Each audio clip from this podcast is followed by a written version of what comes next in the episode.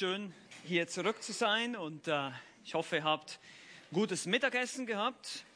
Hoffentlich nicht zu viel, ähm, hoffentlich auch noch einen starken Kaffee, äh, damit wir alle wach bleiben können. Aber ich denke doch, dass diese Themen sehr, sehr interessant sind, ähm, sehr spannend sind ich bin immer wieder begeistert davon, über die Lehren der Gnade zu hören, auch heute Morgen schon über die Verdorbenheit des Menschen und über die bedingungslose Erwählung Gottes.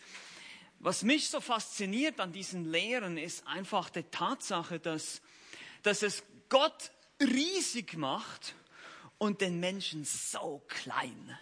Und das finde ich genial. Das ist einfach, das ist einfach das, worum es geht. Wir wollen dem Herrn die Ehre geben. Und diese Lehren machen Gott groß und den Menschen ganz, ganz klein. Und darüber wollen wir nachdenken. Lasst mich noch einmal beten, bevor wir in das Thema einsteigen, womit Gott rettet. Lieber Herr Jesus Christus, wir haben es jetzt gerade gesungen, du bist der Retter dieser Welt und wir danken dir, dass du ein gnädiger Gott bist, der sich über seine Schöpfung erbarmt. Danke, dass wir tief einsteigen dürfen in dein Wort an diesem heutigen Tag, um die Lehren der Gnade zu verstehen, was es bedeutet und was dein Wort dazu sagt. Bitte gib jetzt auch Gnade zum Hören und zum Reden an diesem Nachmittag. In Jesu Namen. Amen. Eine Legende erzählt, als Martin Luther eines Tages schwer krank da niederlag in seinem Bett dass der Teufel sein Zimmer betrat. Mit einem tri triumphalen Lächeln präsentierte der Teufel eine riesige, dicke Schriftrolle. Und er ließ sie sozusagen ausrollen und auf den Boden fallen. Und auf dieser Schriftrolle waren alle Sünden, die Martin Luther in seinem Leben je begangen hat. Und Martin Luthers Augen begannen diese lange Liste mit angstvollen Augen zu lesen. Und er liest und liest. Und das kräftige Herz Luther verzagt angesichts dieser riesigen, großen Schuld. Aber plötzlich schoss Luther einen Gedanken durch seinen Kopf und er sagte zum Teufel, du hast was vergessen. Du hast etwas ganz, ganz Wichtiges vergessen. Das Blut Jesu Christi, seines Sohnes, reinigt uns von aller Sünde. Und der Teufel verschwand. Und das ist natürlich nur eine Legende, aber es zeigt uns und illustriert uns diese wunderbare, kräftige Wahrheit, das Blut Jesu Christi, seines Sohnes, reinigt uns von aller Sünde. 1. Johannes Kapitel 1, Vers 7b. Nun, das Thema meines Vortrags lautet, womit Gott rettet, die Bedeutung der Sühne und deren Auswirkungen. Und es geht darum, besser zu verstehen, auf welcher Basis, auf welcher Grundlage Gott uns unsere Sünden vergibt. Wir haben heute Morgen gehört, der Mensch, der Mensch ist total verdorben. Er ist ein Sünder. Wir sündigen, weil wir Sünder sind, haben wir gelernt. Und deshalb muss uns Gott erwählen. Er entscheidet sich für uns. Das war das Wen Gott rettet. Und jetzt kommen wir zu dem Womit. Wie macht er das dann? Mit welchem Mittel tut er das? Nun, wir haben es jetzt schon gehört. Es geht um das Sühneopfer Jesu Christi. Das Sühneopfer Jesu Christi ist das Herzstück der christlichen Theologie. Das Sühneopfer oder die Sühne. Und wir wollen einfach anhand von einigen Fragen uns dieses Thema erarbeiten. Was bedeutet Sühne? Worum geht's da eigentlich? Was sind die Auswirkungen, die Konsequenzen dieses Sühneopfers, dieses Werkes, das Christus am Kreuz für uns vollbracht hat? Darum dreht sich alles, auch in der Schrift, darum dreht sich alles auch bei uns als Christen in unserem Leben. Es geht immer wieder ums Kreuz und um das, was Christus am Kreuz getan hat. Und deshalb lasst uns mal mit der ersten Frage beginnen. Was bedeutet Sühne? Nun, Sühne bedeutet im Wesentlichen Genugtuung, eine Zufriedenstellung des Zornes Gottes über die Sünde. Wir haben gelernt, dass Gott zornig ist auf den Sünder, nicht nur auf die Sünde, sondern auch auf den Sünder. Und dieser Zorn Gottes ist real, das ist ein gerechter Zorn, das ist nicht so wie bei uns, wenn wir zornig sind und unsere Zornausbrüche haben. Das ist nicht ein solcher Zorn, sondern das ist ein gerechtfertigter Zorn. Und Jesus hat durch sein Opfer am Kreuz Sühne bewirkt, Genugtuung, Zufriedenstellung. Hier ein Vers dazu, Römer 3, 25.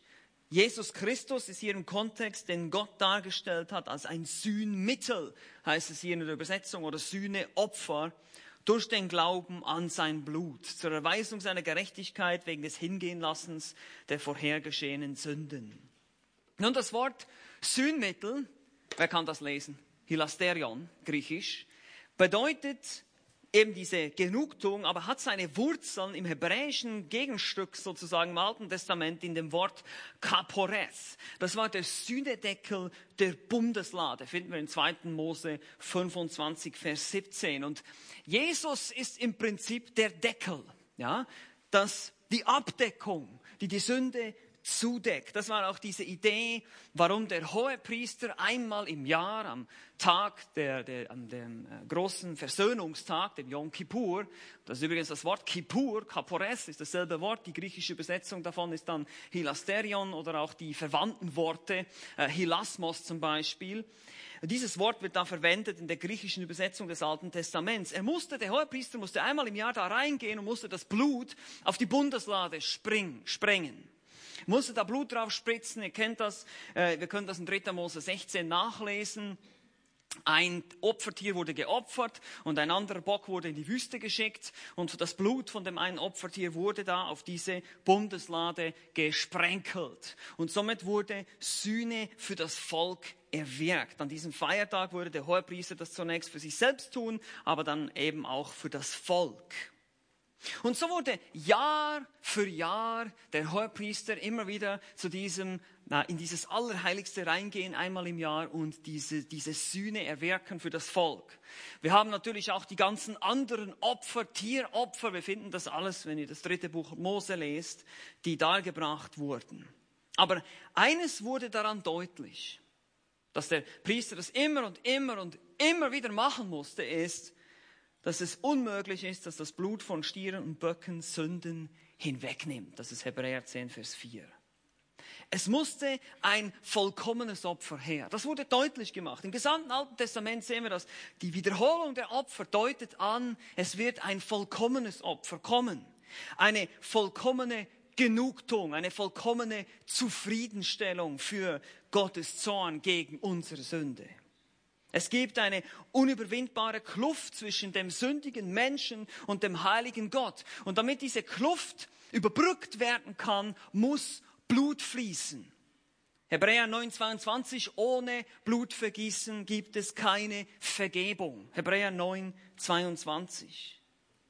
Warum ist das so? Nun, Gottes Heiligkeit wurde durch die Sünde des Menschen beleidigt. Sie verlangt nach einer Genugtuung. Diese Bezahlung, diese Genugtuung ist das Sühneopfer Christi. Es ist unser ultimativer Schutz vor den Konsequenzen unserer eigenen Sünden, die nichts als den Tod, den ewigen Tod zur Folge hätten. Auf der Grundlage dieses Opfers werden Menschen ein für allemal gerettet, wenn du glaubst. Das ist das Mittel, womit Gott rettet. Es ist das Sühneopfer, die Bezahlung durch einen anderen die Genugtuung, die Jesus Christus am Kreuz auf Golgatha gewirkt hat, da er gestorben ist. Lass uns diese Sache jetzt etwas tiefer auf den Grund gehen. Nicht nur, was bedeutet Sühne, sondern wir wollen uns als zweites den Grund für die Sühne anschauen. wir haben heute Morgen schon sehr viel darüber gehört und ich will das jetzt einfach nur kurz anreißen hier. Gottes Plan der Erlösung, sein Ratschluss von Ewigkeit her, hat beschlossen, dass er eine spezifische Gruppe von Menschen erlösen würde. Wir haben Erwählung und den ewigen Ratschluss heute Morgen ausführlich betrachtet in Daniels Vortrag und auch den Grund dafür gesehen in Sams Vortrag, weil der Mensch in sich völlig verdorben ist, nichts anderes als immer die Sünde wählen würde und deshalb von sich aus nicht zu Gott kommen würde. Es ist wichtig zu verstehen, dass der gesamte Plan der Erlösung einem Ratschluss folgt, den Gott vor Grundlegung der Welt mit sich selbst gehalten hat. Einen ewigen Ratschluss, einen Beschluss. Und Gott wirkt diese Dinge nun durch seine Vorsehung, nennen wir das. Die Vorsehung ist die Kontrolle und Orchestrierung aller Ereignisse und Entscheidungen, die überall geschehen in diesem ganzen Universum eigentlich, dieser ganzen Welt. Gott orchestriert diese Dinge, ohne dabei eben diese Verantwortung von uns wegzunehmen, dass unsere Entscheidungen nicht reale Entscheidungen wären. Aber trotzdem ist Gottes Ratschluss steht da drüber. Müsst euch das wie so eine große Blase vorstellen, die alles umschließt. Ihr könnt euch da drin frei bewegen, aber ihr könnt nie raus aus dieser Blase. Diese Blase ist der souveräne Wille Gottes oder dieser Ratschluss, nach dem alles geschieht. Und das haben wir heute schon gesehen. Ich werde das nur kurz ansprechen hier, Römer 11, 36. Denn von ihm und durch ihn und für ihn sind was? Alle Dinge. Ja? Ihm sei die Herrlichkeit in Ewigkeit. Also alles ist von ihm, alles ist durch ihn und alles ist für ihn. Oder eine andere Stelle, die wir auch schon gesehen haben, ist Epheser 1, 11 indem wir auch ein Erbteil erlangt haben, die wir zuvor bestimmt sind, nach dem Vorsatz dessen, der alles wirkt nach dem Rat seines Willens. Das haben wir ganz deutlich gesehen, die Schrift lehrt das. Und das gilt auch insbesondere für den Plan der Erlösung, sozusagen die Mission Christi. Dass Christus kommen würde und Erlösung wirken würde, ist Teil dieses Ratschlusses. Weitere Stellen sind hier auch noch Epheser 1.9 oder 3.11 haben wir heute Morgen auch schon gesehen. Das Motiv für diesen Plan der Erlösung liegt in zwei Eigenschaften Gottes gegründet. Zwei Eigenschaften Gottes, seine Liebe und seine Gerechtigkeit. Zwei Motive hier, die motivieren dazu, dass Gott Menschen rettet, dass er überhaupt mit diesem Plan gekommen ist, mit diesem Ratschluss. Wir sehen aber sofort auch, dass diese beiden Eigenschaften Gottes auch ein bestimmtes Problem produzieren. Einerseits will Gott Menschen retten, weil er sie liebt. Andererseits muss er sie aber auch bestrafen. Seine Gerechtigkeit fordert das. Und so ist das Sühneopfer Jesu Christi das Problem oder die Lösung für diese beiden Probleme. Die Lösung für diese beiden Probleme. Gott will den Menschen lieben und ihm vergeben, ihn sozusagen retten. Gleichzeitig wird aber seine Gerechtigkeit Genüge getan. Hier nochmal kurz die Eigenschaften. Liebe Gottes. Wir haben hier den berühmten Vers Johannes 3,16. So hat Gott die Welt geliebt. Ich gehe da noch auf das Wort Welt ein später. Dass es einen eingeborenen Sohn gab, damit jeder, der an ihn glaubt, nicht verloren geht, sondern ewiges Leben habe. Es entspricht Gottes Wesen, zu lieben. Er ist ein liebender Gott. Gott ist Liebe, heißt es in 1. Johannes 4, Vers 7. Das ist das eine Motiv und das andere Motiv war, wie gesagt, die Gerechtigkeit. Die Erlösung der Sünder musste aber in einer Art und Weise geschehen, die mit seiner Gerechtigkeit nicht kollidiert. Ja, Gott wäre ungerecht, wenn er einfach ein Auge zudrücken würde, sozusagen. Und sagen, oh, das ist ja nicht so schlimm, deine Sünde, das vergeben wir mal so schnell, schnell. Das kann er nicht tun, weil er ein gerechter Gott ist. Und Jesus erfüllte daher das Gesetz auf zwei Arten. Einerseits positiv, weil er allen Gesetzen gehorsam war, alle Gebote erfüllte und einerseits negativ, indem er diese geforderte Strafe von dem Gesetz bezahlte. Das ist hier Galater 4, Verse 4 bis 5. Als aber die Fülle der Zeit gekommen war, sandte Gott seinen Sohn, geboren von einer Frau, geboren unter Gesetz, damit er die unter Gesetz waren, loskaufte, damit wir die Sohnschaft empfingen. Also Christus kaufte uns los durch seinen Gehorsam und durch seinen durch seinen Tod, durch sein Sterben. Er bezahlte den Preis und er erfüllte das Gebot. Und diese Gerechtigkeit, die wird dir und mir zugeschrieben, wenn wir glauben. Das ist auch die sogenannte Lehre der Rechtfertigung. Ich weiß, jetzt kommen hier sehr viele Dinge. Ich fasse das jetzt nur ein bisschen zusammen, weil wir wollen ja auch noch zum Wesen der Sühne kommen. Aber das ist einfach ganz, ganz wichtig, diese Grundlagen gelegt zu haben. Wir haben gesehen, dass, was Sühne bedeutet, was der Grund ist, was Gott motiviert dazu, zu sühnen oder dieses Sühneopfer für uns bereitzustellen. Und jetzt schauen wir uns an, drittens, natürlich die Notwendigkeit der Sühne. Nun, grundsätzlich kann man sagen, Gott hätte prinzipiell niemanden retten müssen. Das haben wir heute Morgen schon gehört. Er, er hat es nicht nötig gehabt. Er wäre trotzdem völlig gerecht, selbst wenn er keinen einzigen Menschen retten würde. Das hätte er nicht tun müssen. Aber von dem Moment an, als er sich entschied, eben diesen ewigen Ratschluss in der Vergangenheit beschlossen hat mit sich selbst, als er sich entschied, Menschen zu retten, war die Notwendigkeit dieser Sühne geboren. Also ein Plan beinhaltete auch den Fall des Menschen, haben wir heute Morgen auch schon gehört, und daher auch die Errettung des Menschen. Es musste eine Sühne her. Die Notwendigkeit der Sühne wird auch betont in der Schrift, wann immer es um die Rettung des Menschen geht. Hier ist ein Beispiel, Hebräer 2, Vers 10. Denn es geziemte ihm, um dessen Willen alle Dinge und durch den alle Dinge sind, indem er viele Söhne zur Herrlichkeit brachte, den Urheber ihrer Errettung durch Leiden vollkommen zu machen. Dieses erste Wort da, es geziemte sich. Es stimmte mit Gottes Gerechtigkeit und mit seiner Liebe überein. Es passte. Das ist die Idee hier.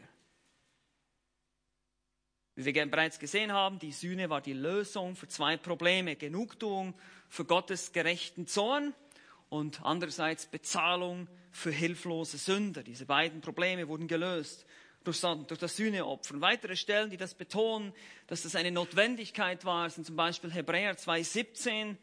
Und es heißt, musste den Brüdern gleich werden. Es war nötig, dass er ein Mensch wurde. Hebräer 10,4, das Blut von Tieren reicht nicht aus, habe ich schon gesagt.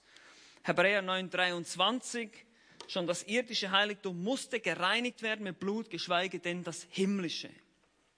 Also wir sehen hier die Notwendigkeit, es musste jemand kommen, der bezahlt anstelle von einer sündigen, verdorbenen Menschheit, um sie zu erlösen oder um diese Gruppe von Menschen zu erlösen, was Gott geplant hat. Man kann also festhalten, erst einmal festhalten, hier bis jetzt. Die Liebe Gottes und die Gerechtigkeit Gottes sind nicht nur die Motive, sondern auch der Grund für die zwingende Notwendigkeit des Sühneopfers. Also die Liebe Gottes und die Gerechtigkeit Gottes sind nicht nur die Motive, sondern auch der Grund für die zwingende Notwendigkeit des Sühneopfers. Eben, das Sühneopfer bewirkte, dass Gott einerseits Sünden vergeben kann Liebe zeigen kann, Gnade zeigen kann. Auf der anderen Seite bleibt er gerecht.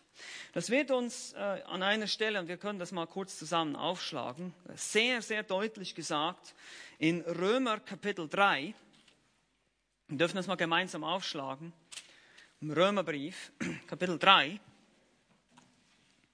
Und wir haben teilweise diese Stelle heute Morgen schon gehört, aber das ist wichtig zu verstehen. In Römer 3, 21 heißt es folgendes. Jetzt aber ist ohne Gesetz Gottes Gerechtigkeit offenbar gemacht worden, bezeugt durch das Gesetz und die Propheten. Gottes Gerechtigkeit durch den Glauben an Jesus Christus gegen alle und auf alle, die glauben. Gottes Gerechtigkeit ist offenbar geworden ohne Gesetz, außerhalb des Gesetzes, ohne dass man Werke tun muss.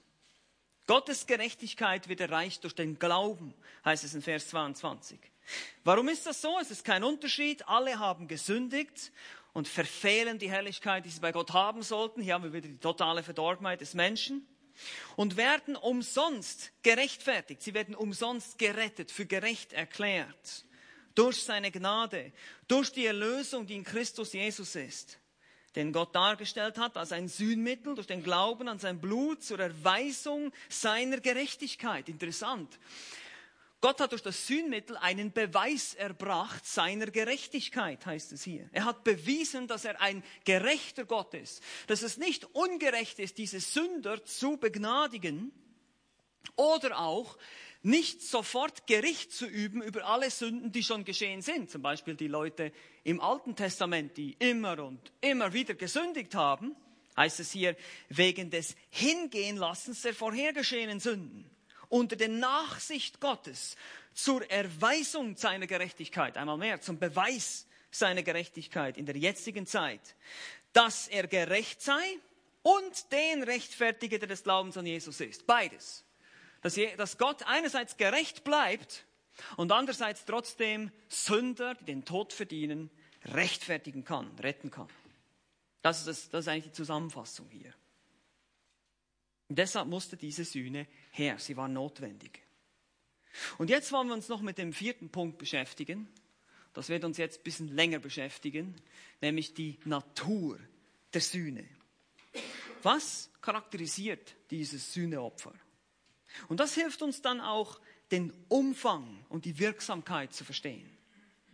Die berühmte Frage, für wen starb Christus? Das ist die berühmte Frage. Für wen starb Christus? Nun, einige würden natürlich sofort sagen, naja, für alle Menschen.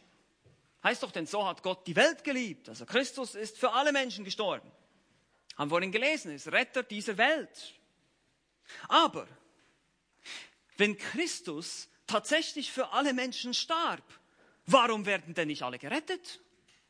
Warum gibt es solche, die verloren gehen? Vielleicht sagst du nun, aber wenn er nicht für alle starb, dann ist das doch unfair, oder?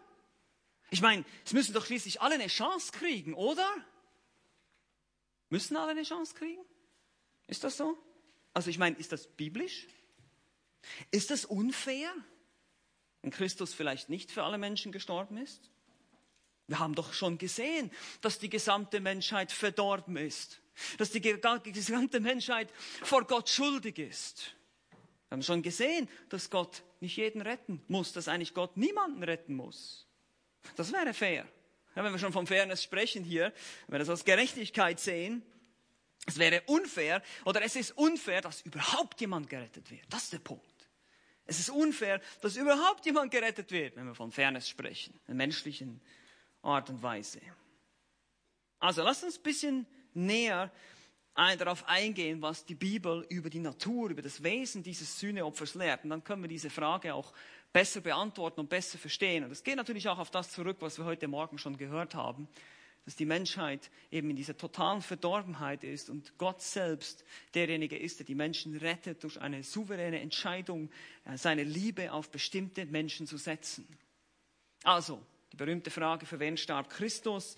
Wir wollen uns damit beschäftigen, wie, dieses, wie die Natur des Sühneopfers aussieht. Punkt A. Die Sühne beruht auf dem Gehorsam Jesu Christi. Das ist mal das Erste hier. Haben wir schon gesehen. Jesus erwirkte die Sühne durch seinen vollkommenen Gehorsam. Und zwar auf dreifache Art und Weise. Erstens, Christus gehorchte dem souveränen Plan und Ratschluss Gottes. Jesus tat immer den Willen des Vaters, hat er immer gesagt. Ich bin gekommen, um den Willen dessen zu tun, der mich gesandt hat. Es wurde nichts dem Zufall überlassen, in Anführungsstrichen. Es gibt keinen Zufall in Gottes Universum sondern Jesus handelte nach Plan. Johannes 6, 38 zum Beispiel. Zweite, zweiter Aspekt, Christus gehorchte allen Geboten des Vaters. Wie schon gesagt, er erfüllte die moralische Forderung nach Gerechtigkeit. 2. Korinther 5, 21 könnt ihr euch da aufschreiben. 2. Korinther 5, 21. Er hat den, der von keiner Sünde wusste, für uns zur Sünde gemacht, damit wir in ihm die Gerechtigkeit Gottes würden. Also er gehorchte allen Geboten und wurde die Gerechtigkeit Gottes für uns. Er erfüllte das Gesetz für uns. Und diese, diese Gerechtigkeit, die wird uns jetzt angerechnet. Das ist diese Gerechtigkeit, die durch den Glauben kommt. Und schließlich, Christus gehorchte auch, um die Anforderung des Gesetzes nach Strafe zu erfüllen. Eben Römer 3,25 haben wir gesehen schon, das Sühneopfer. Durch diesen vollkommenen Gehorsam bezahlte er. Und gleichzeitig bewirkte er für uns eine Gerechtigkeit, die vollkommen ist, die Gerechtigkeit aus dem Glauben. Römer 3, 22. Also bereits hier stellen wir Folgendes fest. So gut aufpassen. Es beruht einzig und allein auf dem Gehorsam Jesu Christi, nicht auf unserem. Okay? Wir sehen hier schon, Allein von dem Punkt her hier, die Sünde beruht auf dem Gehorsam Christi, auf dem, was Jesus getan hat. Nicht auf dem, was wir tun oder dazu beitragen. Wir haben nichts dazu beigetragen. Das ist aber noch nicht alles. Punkt B. Die Sühne Jesu Christi ist nicht nur eine, basiert nicht nur auf dem Gehorsam, sondern ist eine stellvertretende Sühne. Jesus starb anstelle von Sündern. Das bedeutet, er nahm unseren Platz ein. Also da, wo du, wo ich, wo wir hätten sein sollen, da war er. Er nahm die Strafe auf sich, damit wir Frieden hätten. Jesaja 53. Und sehr oft wird deshalb in der Bibel der Ausdruck für oder anstelle von benutzt. Es werden verschiedene griechische Präpositionen dafür verwendet. Ich will euch damit jetzt nicht langweilen, aber eine, die es sehr deutlich macht, ist die Präposition anti. Wir kennen das Wort Antichrist. Und das bedeutet anstelle von oder gegen, manchmal in gewissen Kontexten. Ein Beispiel dafür ist Markus 10, 45. Denn auch der Sohn des Menschen ist nicht gekommen, um bedient zu werden, sondern um zu dienen und sein Leben zu geben als Lösegeld für viele, anstelle von vielen heißt es da. Anti wird da benutzt im Griechischen. Also er gibt sein Leben als Lösegeld anstelle von vielen, an, an ihrer Stelle. Wir machen zwei Beobachtungen hier von diesem Vers. Einerseits, er gibt sein Lösegeld, äh, sein Leben als Lösegeld für viele, nicht alle, steht hier. Er gibt sein Lösegeld für viele, nicht alle. Und zweitens, es erinnert uns wieder an das alttestamentliche Opfersystem, das Passalam. Jemand, der sein Leben gibt, jemand, der hingegeben wird, ein, ein Stellvertreter, der Sündenbock beim, äh, beim Tag der Versöhnung oder auch die ganzen Tieropfer. Und wenn wir im Alten Testament forschen, das können wir jetzt natürlich heute nicht tun aus Zeitgründen, werden wir feststellen, dass die Opfer im Alten Testament immer für spezifische Leute dargebracht wurden. Also für eine bestimmte Menge oder für eine definierte Gruppe, eine Anzahl von Menschen. Zum Beispiel der Priester, äh, der Hohepriester trug die Namen der zwölf Stämme Israels auf seiner Brust, als er vor Gott trat. 2. Mose 28, Vers 12. Und Jesus ist ja auch unser vollkommener Hohepriester geworden. Dadurch, dass er sich selbst geopfert hat, hat er diesen priesterlichen Dienst angenommen für uns. Zum Beispiel Hebräer 4, Vers 15 sehen wir das. Und so opferte auch Jesus sich für eine bestimmte Menge von Menschen als ihr Hohepriester. In seinem hohepriesterlichen Gebet macht er das sehr deutlich in Johannes Kapitel 17, ganz berühmtes Kapitel, das wir alle kennen und wahrscheinlich auch sehr, sehr lieben, wie Jesus betet für seine Jünger. Aber es ist interessant, da zu betrachten, welche Sprache Jesus verwendet. Nur ein paar Beispiele.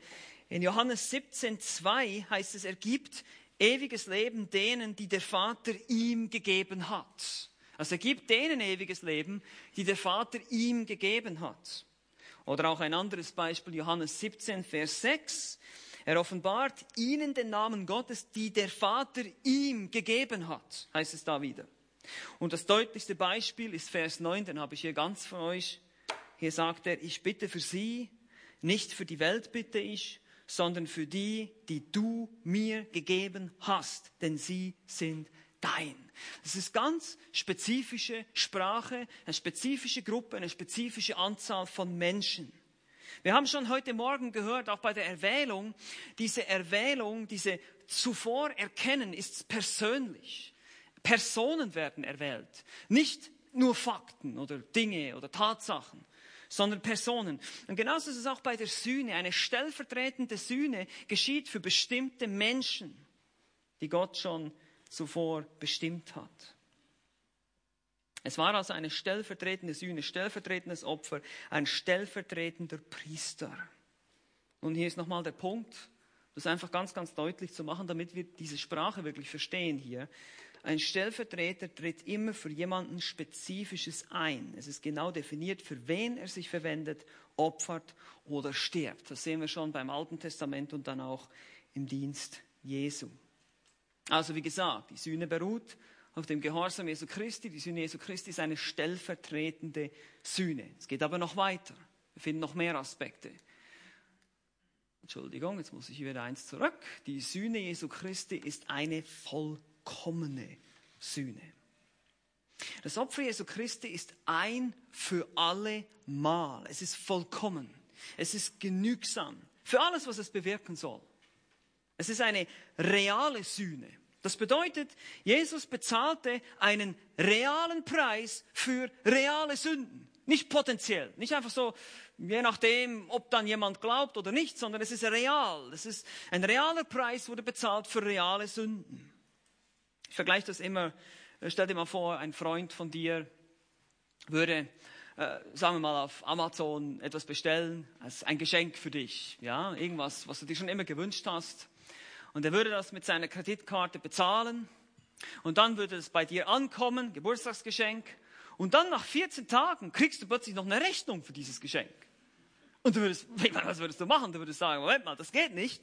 Wahrscheinlich würdest du Amazon Support anrufen und irgendwie einen Chatroom und weiß was, was ich reklamieren. Ich, ich mach doch das, ich bezahle den Preis doch nicht doppelt. Und das ist genau der Punkt hier. Genauso ist es bei Gott und Mensch. Jedes Mal, wenn ein Mensch sündigt, belastet er sozusagen das Schuldenkonto bei Gott. Der Mensch schuldet Gott Bezahlung für seine Sünde. Eben Genugtuung, Sühne, Zufriedenstellung.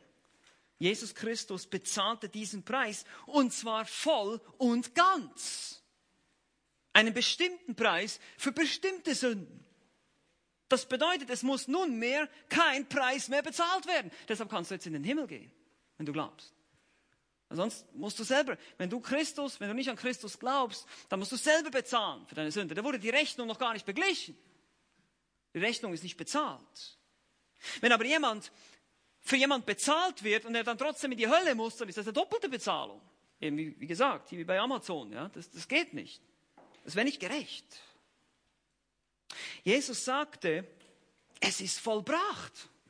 Nicht, ich habe eine Anzahlung gemacht, jetzt müsst ihr noch den Rest bezahlen.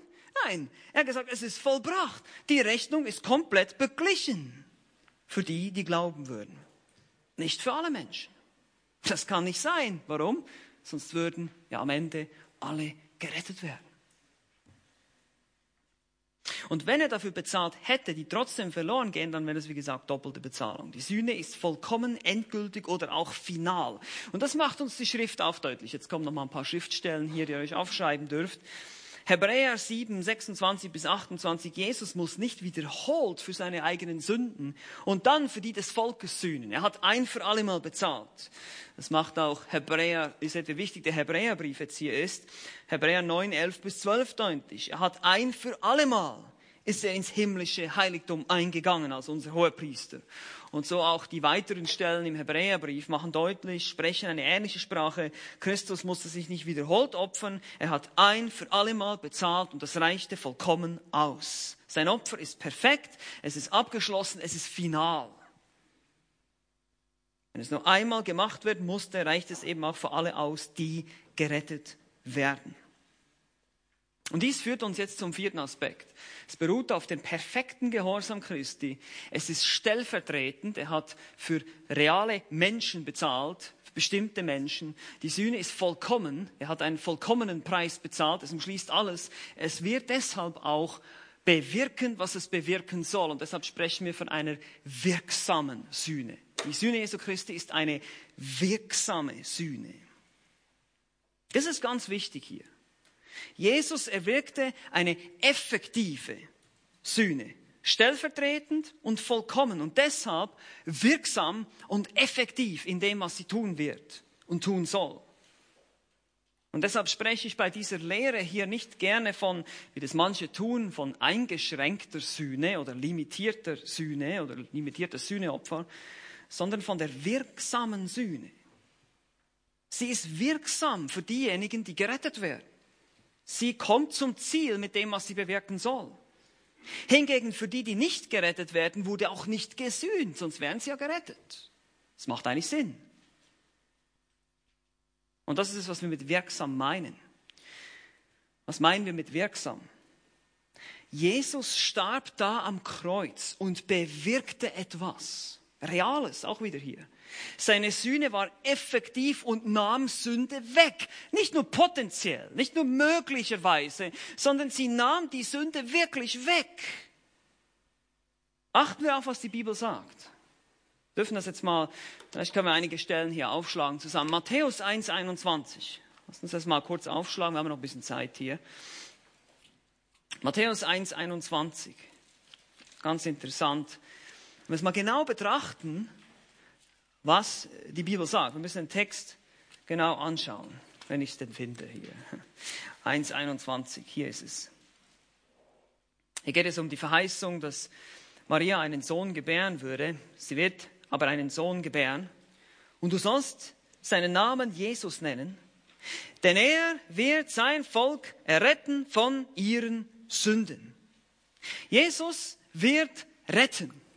Er kam nicht, um Menschen errettbar zu machen, sondern um sie zu retten, um das effektiv zu tun. Ja?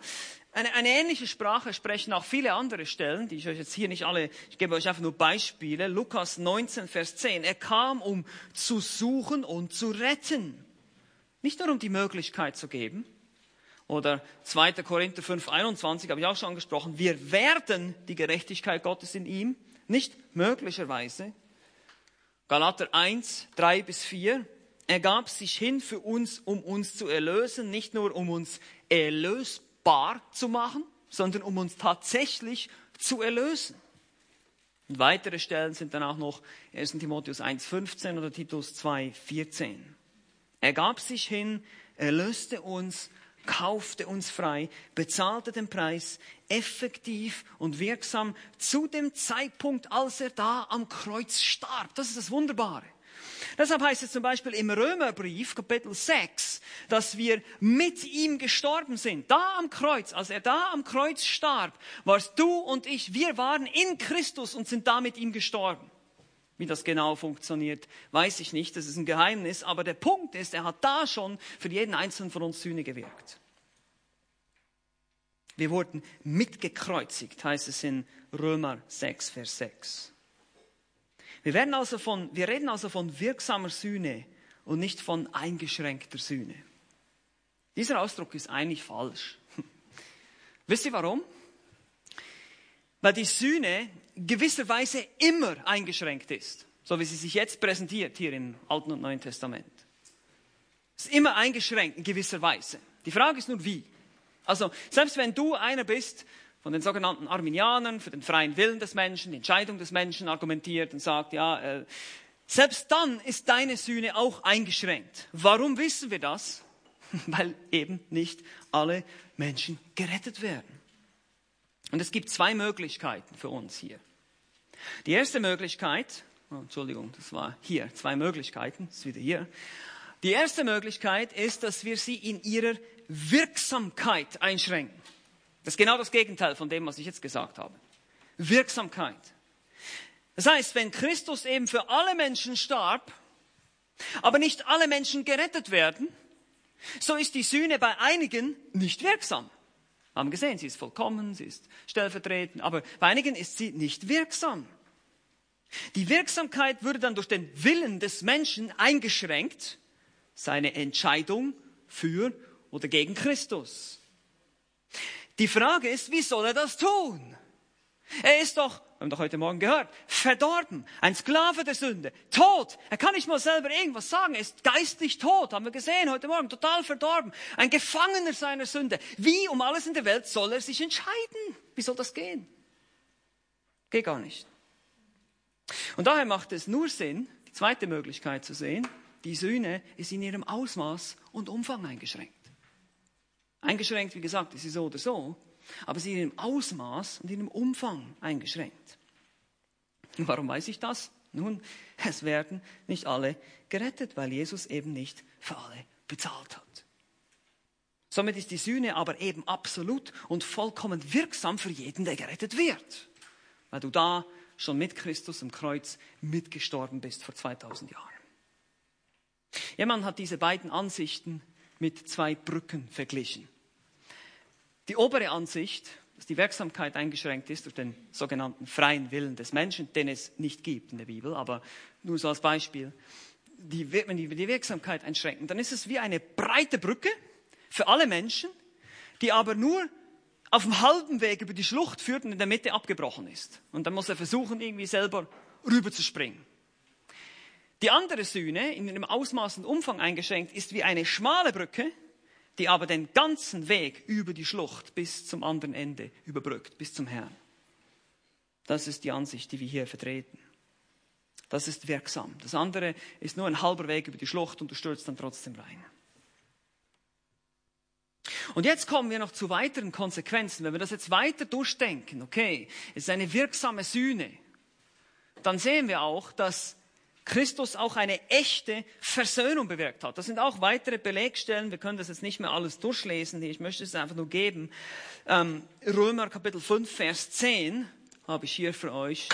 Ähm, denn wenn wir, da wir Feinde waren, mit Gott versöhnt wurden durch den Tod seines Sohnes, seht ihr das? Wir wurden versöhnt. Das ist ein für alle Mal abgeschlossen.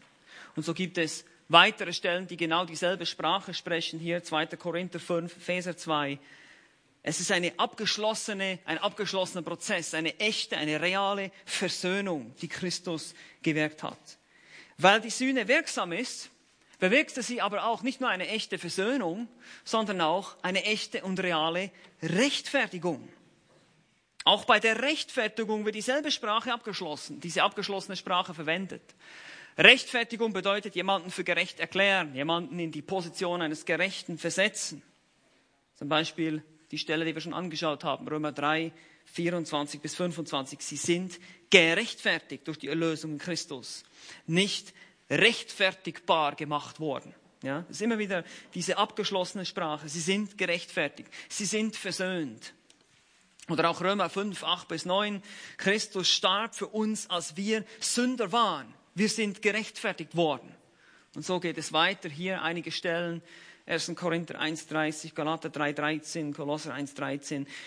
Drückt einfach alles dasselbe aus, dass diese Rechtfertigung eine abgeschlossene Sache ist. Wie gesagt, die PowerPoints oder die, ich habe vorhin gehört, die Keynotes werden dann auch noch gepostet auf der Website, also dass ihr dann alles auch noch äh, mitschreiben könnt, weil das geht natürlich ein bisschen zu schnell, das weiß ich. Das ist mir auch klar. Aber ich möchte euch einfach nur zeigen, wie deutlich die Schrift spricht. Einfach um immer wieder diese Aussagen auch zu untermauern mit Schriftstellen. Und für euch natürlich, ihr müsst das im eigenen Studium selber dann vielleicht nachholen und diese Stellen nachschlagen, um euch davon zu überzeugen, dass die, die Texte wirklich das sagen, was ich hier behaupte. Ihr könnt das jetzt nicht alles hier durchlesen. Ich kann euch da nur Beispiele geben. Und genauso ist hier der dritte Punkt, nicht nur die echte Versöhnung, echte reale Rechtfertigung, sondern auch sicherte durch sein Werk das Kommen und Innewohnung des Heiligen Geistes. Durch das Sühnewerk, durch diese wirksame Sühne sicherte Jesus durch sein Werk das Kommen und die Innewohnung des Heiligen Geistes. Jesus hat gesagt, ich muss gehen und dann kommt ein Stellvertreter. Erinnert ihr euch in Johannes 14, 15, 16, dieser Beistand, den er schicken würde. Und diese wirksame Sühne stellte also nicht nur das, die, die Rechtfertigung, die Erlösung, sondern auch die Mittel zur Erlösung zur Verfügung. Der Heilige Geist bewirkt unsere Wiedergeburt und unsere Heiligung, weil Jesus wirksam und vollkommen bezahlt hat für uns. Auch das wird wiederum in verschiedenen Stellen. Epheser 1, wir sind gesegnet mit jedem geistlichen Segen. Philipper 1, 29 heißt es, dass es uns geschenkt wurde zu glauben. Also selbst unser Glaube ist ein Geschenk von Gott. Oder weitere Stellen sind Apostelgeschichte 5, 31, wo es heißt, dass Gott die Buße schenkt. Der Heilige Geist schenkt die Buße. In Titus 2, 14 schenkt er die Reinigung. Oder in Titus 3, 5 bis 6 schenkt er die Wiedergeburt. Wiedergeburt, Reinigung, Buße, Glauben, alles Geschenke Gottes an dich und mich. Nichts kommt von mir oder dir. Man nennt das in der Theologie auch Monergismus. Das heißt, eine Kraft ist am Wirken, es ist Gott. Ihm allein gehört alle Ehre, nicht uns. Und ihr seht schon, welche Dimensionen das hier annimmt. Das ist viel, viel mehr als nur, Christus ist einfach für mich gestorben, sondern all diese Dinge, wir wären nicht fähig zu glauben wenn Gott nicht Gnade schenken würde. Wir wären nicht. Weißt du, dass Unglaube auch eine Sünde ist? Ja? Würdet ihr, wärt ihr einverstanden? Unglaube ist auch eine Sünde, oder? Ja. Nickt, die meisten von euch nicken. Gut. Für diese Sünde musste auch bezahlt werden. Okay? Ja, Jesus musste bezahlen für dein Unglauben. Und weil er bezahlt hat für deinen Unglauben, kannst du glauben. Verstehst du? Sonst wärst du nicht mal fähig zu glauben, weil deine Natur ist ja nur zu sündigen und nur Böses zu tun. Und deshalb würdest du im Unglauben verharren. Und deshalb kann der Glaube ebenfalls nicht etwas sein, was von dir oder mir kommen kann. Ich möchte noch ganz kurz auf die Einwände eingehen. Vielleicht werden wir das morgen ein bisschen ausführlicher machen, weil die Zeit ist hier schon fast rum.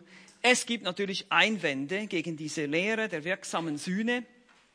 Das hat einerseits damit zu tun, dass es tatsächlich Stellen gibt, in denen davon gesprochen wird, dass Christus ähm, in einem gewissen Sinne für alle Menschen gestorben ist, aber nicht um eine errettende Sühne zu erwirken, sondern die allgemeine Gnade wir sprechen von der allgemeinen Gnade, zum Beispiel in Matthäus 5, 45, dass Gott mit dem Gericht wartet, dass er nicht, weil wir alle müssten schon lange tot sein. Wir alle hätten schon lange das Gericht verdient und Gott wartet zu. Äh, eine Stelle, die dazu auch spricht, ist 1. Timotheus 4, Vers 10. Ähm, ihr seht schon ganz am Ende heißt es, dass Gott ein Retter aller Menschen ist und dann heißt es besonders der Gläubigen. Also hier seht ihr diesen Unterschied. Gott ist ein Retter aller Menschen. Man kann dieses Wort auch eher als Bewahrer übersetzen, weil er sein Gericht noch zurückhält und, und die Möglichkeit zur Buße gibt. Aber er ist ein Retter besonders für die Gläubigen, für diejenigen, die eben erwählt sind und für die er bezahlt hat. Das ist das eine Problem, warum äh, einige denken, äh, dass Christus eben auch für die Nichterwählten starb in einem äh, heilsmäßigen Sinn. Und die zweite Problematik ist natürlich die alle oder für die Welt stellen, nenne ich das. Äh, der Klassiker im denn so hat Gott die Welt geliebt. Ja? Oder auch der andere Klassiker, 1. Timotheus 2, Vers 4, ich, äh, dass Gott will, dass alle Menschen gerettet werden. Was machen wir mit solchen Stellen? Äh, es wird dann automatisch angenommen, dass die Welt oder auch alle eben immer bedeutet, alle Menschen auf der ganzen Welt, jeder Einzelne. Also wann immer da steht die Welt, dann ist damit immer alle Menschen gemeint. Nun, das ist ein Trugschluss, okay? Ähm, ich gebe euch hier nur ein Beispiel. In Johannes 12, 19, da sprachen die Pharisäer zueinander, ihr seht, dass ihr nichts ausrichtet, siehe, alle Welt läuft ihm nach. Nun sind das hier alle Menschen der Welt, jeder Einzelne auf der ganzen Welt? Ne, auf keinen Fall. Das wird hier umgangssprachlich verwendet, dieses Wort alle Welt. Also müssen vorsichtig sein, wann immer wir das Wort alle finden, sind möglicherweise nicht immer alle gemeint, sondern nur alle in einem bestimmten Kontext. So viel kann ich dazu sagen. Ähm, es gibt viele verschiedene Stellen, wer eine Liste haben möchte. Wir werden vielleicht morgen noch ein bisschen mehr darauf eingehen, auf diese Stellen und wie wir die auslegen. Aber man kann einen Grundsatz formulieren, wenn man die Stellen, die über die wirksame Sühne sprechen, neben die anderen Stellen setzt, Bibelstellen, die zu, zu, sagen scheinen, dass Christus eben für alle Menschen gestorben ist, kann man folgenden Grundsatz formulieren, und den habe ich euch hier. Es ist viel einfacher, die Stellen, die von einer unbegrenzten Sühne zu sprechen scheinen, im Lichte der Stellen zu interpretieren, die von einer begrenzten Sühne sprechen, als umgekehrt. Also es macht viel mehr Sinn, es ist viel schwieriger, die Stellen, die wir jetzt gerade alle angeschaut haben, der letzten Stunde, um zu interpretieren, irgendwie da reinzubringen, dass Christus doch für alle Menschen bezahlt hat, als wenn man die einzelnen Alle- und Weltstellen betrachtet, sieht man dann im Kontext, dass nicht unbedingt das gemeint ist, was man beim ersten oberflächlichen Lesen meint. Nun, äh, um das zu zeigen, möchte ich einfach noch ein Beispiel geben. Der Klassiker, denn dies ist gut und angenehm vor Gott, unserem Retter, welcher will, dass alle Menschen gerettet werden und zur Erkenntnis der Wahrheit kommen. 1. Timotheus 2, 3 bis 6. Ah, das war 1. Timotheus 2. Ich glaube, das ist falsch. Das ist nicht 3 bis 6, sondern nur 2, 4 oder irgendwie sowas. Müsst jetzt nachgucken, das ist ein Druckfehler da. Ähm, aber wenn wir hier diesen Text anschauen, bei oberflächlicher Betrachtung, könnte man sagen, okay, das steht doch hier schwarz auf weiß. Gott will, dass alle Menschen gerettet werden. Und erstens bedeutet das nicht, dass Gott dann automatisch für alle Menschen bezahlt hat. Und zweitens müssen wir den Kontext betrachten.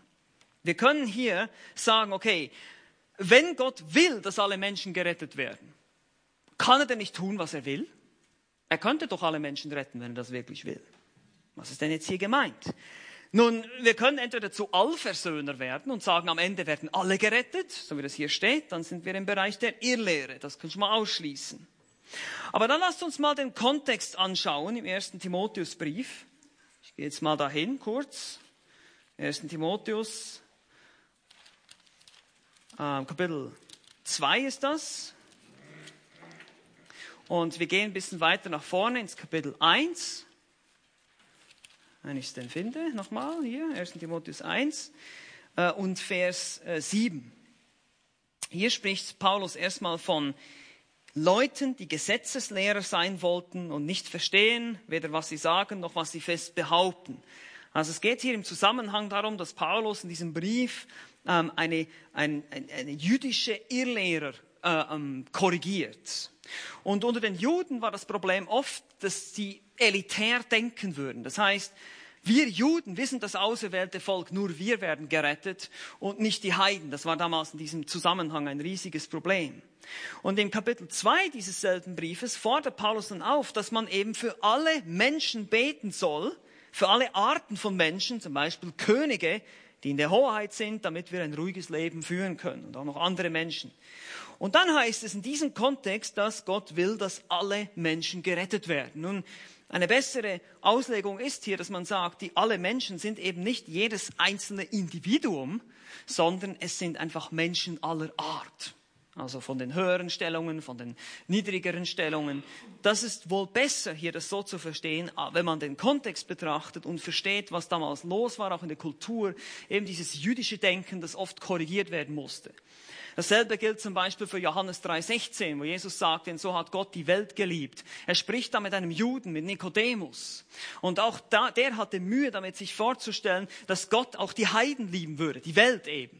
Die Welt ist da sehr allgemein. Es muss nicht jedes einzelne Individuum dieser, äh, auf diesem Planeten sein. Und so müssen wir vorsichtig sein. Von dem Wort Welt gibt es so etwa acht verschiedene äh, Verwendungsformen in der Schrift. Äh, die Welt kann auch nur der Planet Erde sein. Also muss man einfach wirklich genau den Kontext betrachten. Und so können wir diese Stellen im Licht der anderen besser interpretieren, als wenn wir einfach diese Erwählungslehre oder auch das, es geht auch die Erwählungslehre und das, ähm, äh, die wirksame Sühne einfach ablehnen und sagen, ah, da steht alle und alle bedeutet immer alle und seine oberflächliche Herangehensweise haben an den Text. Wie gesagt, wir können morgen noch ein bisschen mehr darauf eingehen, aber so viel will ich dazu sagen. Ich möchte nämlich auch noch zu ein paar Anwendungen kommen für uns. Warum ist das wichtig für uns? Warum ist diese Lehre der wirksamen Sühne wichtig? Und wir haben schon gesehen, dasselbe wie für die Erwählungslehre gilt, gilt auch für die Lehre der wirksamen Sühne. Es wird unseren evangelistischen Eifer nicht stoppen. Es wird auch nicht, es heißt auch nicht, dass du jetzt sagst, ich bin kein Christ. Eben, dass wie Daniel das heute schon sagte, ich du sollst nicht darüber nachdenken, ob du jetzt erwählt bist oder nicht, sondern das Erste, was gilt, ist, wer zu mir kommt, den werde ich nicht hinausstoßen. Johannes 6, 37. Das ist kein Widerspruch. Christus starb für alle, die zu ihm kommen im Glauben. Wenn du heute hier bist und kein Christ bist und sagst, ich will jetzt an Christus glauben, ich verstehe das jetzt, ich verstehe, dass ich ein Sünder bin, ich bin überführt von meiner Sünde, ich komme zu Christus im Glauben, dann heißt es, ich werde dich nicht hinausstoßen. Das heißt nicht, du musst nicht darüber nachdenken, oh, bin ich jetzt erwählt und wurde für mich bezahlt. Nein, wenn du glaubst und wenn du Buße tust, dann wurde bezahlt für dich. Das ist, das ist dann, du weißt dann hinterher, jemand hat das mal so beschrieben, als Illustration. Du schaust auf eine Tür, ja, und diese Tür, da steht, Tu Buße, entscheide dich. Ja? Und dann als Mensch, ich entscheide mich, ich gehe durch diese Tür durch und ich schaue nach hinten und da steht, erwählt vor Grundlegung der Welt. Das ist, das ist so, wie die Bibel uns das präsentiert. Und genauso müssen wir es auch glauben. Müssen glauben, dass wir jederzeit, jeder zu Christus kommen kann. Kommt her zu mir alle, die mühselig und beladen seid. Die Einladung gilt für uns alle. Das ist das Erste. Dann das Zweite, was wir auch schon gehört haben heute Morgen, was für die Erwählungslehre gilt und auch für das wirksame Sühneopfer, sei demütig, wenn du glaubst. Ich hoffe, äh, ich weiß, auch wenn ihr jetzt nicht alle Bibelstellen mitschreiben konnte und alles, aber ich hoffe, ihr konntet sehen, wie, wie, wie groß Gott ist und wie er alles wirkt, alles zu seiner Ehre wirkt und wie uns alles geschenkt wurde, eben der Glaube, die Buße, die Errettung, die Vergebung von unserer Sünde. Er hat komplett und wirksam bezahlt. Durch Christus allein sind wir gerettet. Christus ist alles, was wir haben. Alle Ehre gehört nur ihm. Jesaja 42, Vers 8 heißt es, ich bin der Herr, das ist mein Name, und ich will meine Ehre keinem anderen geben.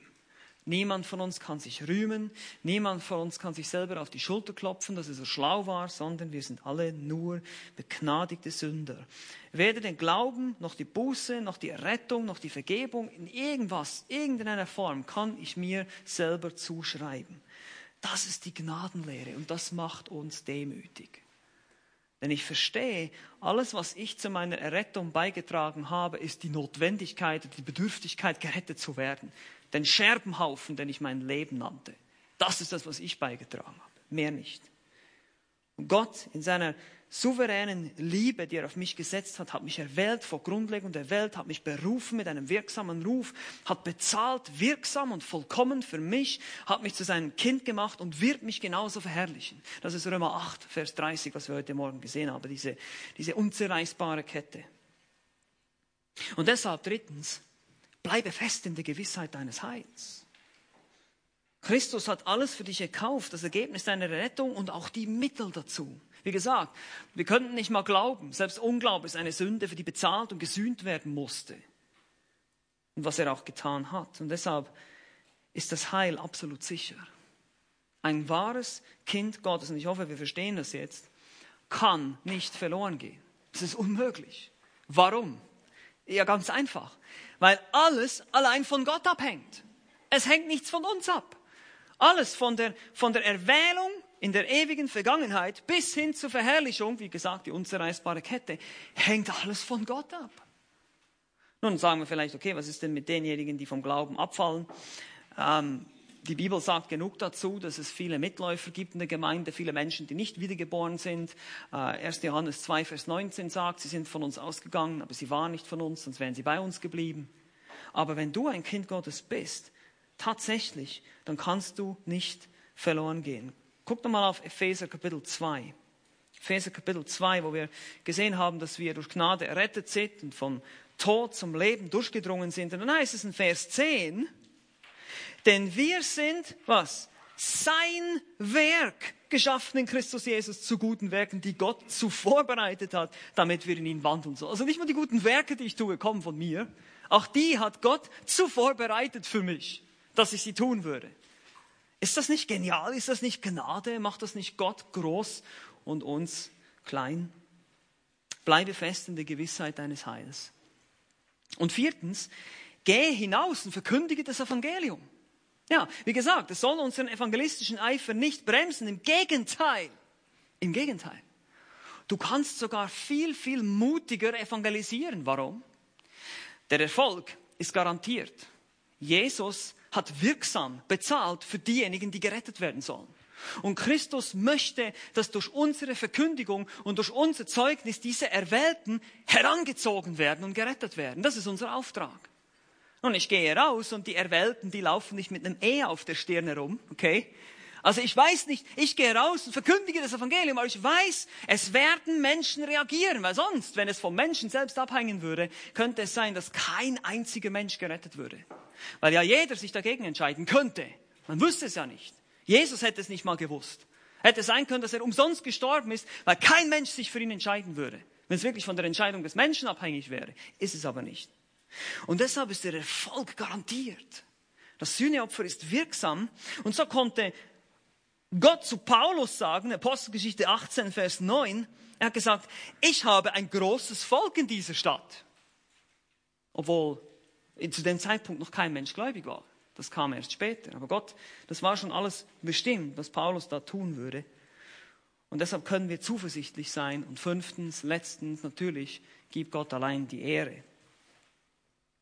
Ob die Menschen nun glauben werden oder nicht, die Ehre gehört allein Gott. Ob, wenn jemand zum Glauben kommt, ist es nicht unser Werk, sondern sein Werk. Nicht unsere Schlauheit, nicht unsere Methoden, nicht unsere geschickten Argumente, sondern allein Gottes Wirken. Denn von ihm und durch ihn und für ihn sind alle Dinge. Ihm sei die Herrlichkeit in Ewigkeit. Amen. Römer 11, 36. Lasst uns noch beten zusammen. Herr Jesus Christus, ich danke dir, dass du ein vollkommener hoher Priester bist, der sich selbst als ein vollkommenes und wirksames Sühneopfer für uns hingegeben hat. wenn wir wirklich darüber nachdenken, wie wunderbar deine Gnade ist, wie tief, wie unergründlich äh, diese Wahrheiten sind, dass das alles deinem Ratschluss entspricht, deinem Plan, den du vor Grundlegung der Welt gefasst hast, uns zu retten, dann erkennen wir einfach einmal mehr, wie, wie klein wir sind und wie wir einfach auch ersetzbar sind und wie wir einfach die, die Ehre dir geben wollen dafür. Danke, dass du uns gnädig bist und gnädig warst und auch weiter gnädig sein wirst, Herr. Deine Gnade bewirkt alles, von der Erwählung hin über die Errettung bis zur Verherrlichung ist alles abhängig von dir und wir dürfen bei dir geborgen sein, wir dürfen uns sicher wissen in dir. Danke, dass du uns kräftigst und uns ermutigst, auch anspornst zur Heiligung, äh, zur Nachfolge, aber auch zur Evangelisation, weil wir wissen, dass noch andere Menschen da draußen sind, für die du bezahlt hast, wirksam und vollkommen. Danke für diese Gnade und für diese wunderbaren Wahrheiten. Wir geben dir die Ehre dafür. In Jesu Namen. Amen. Amen.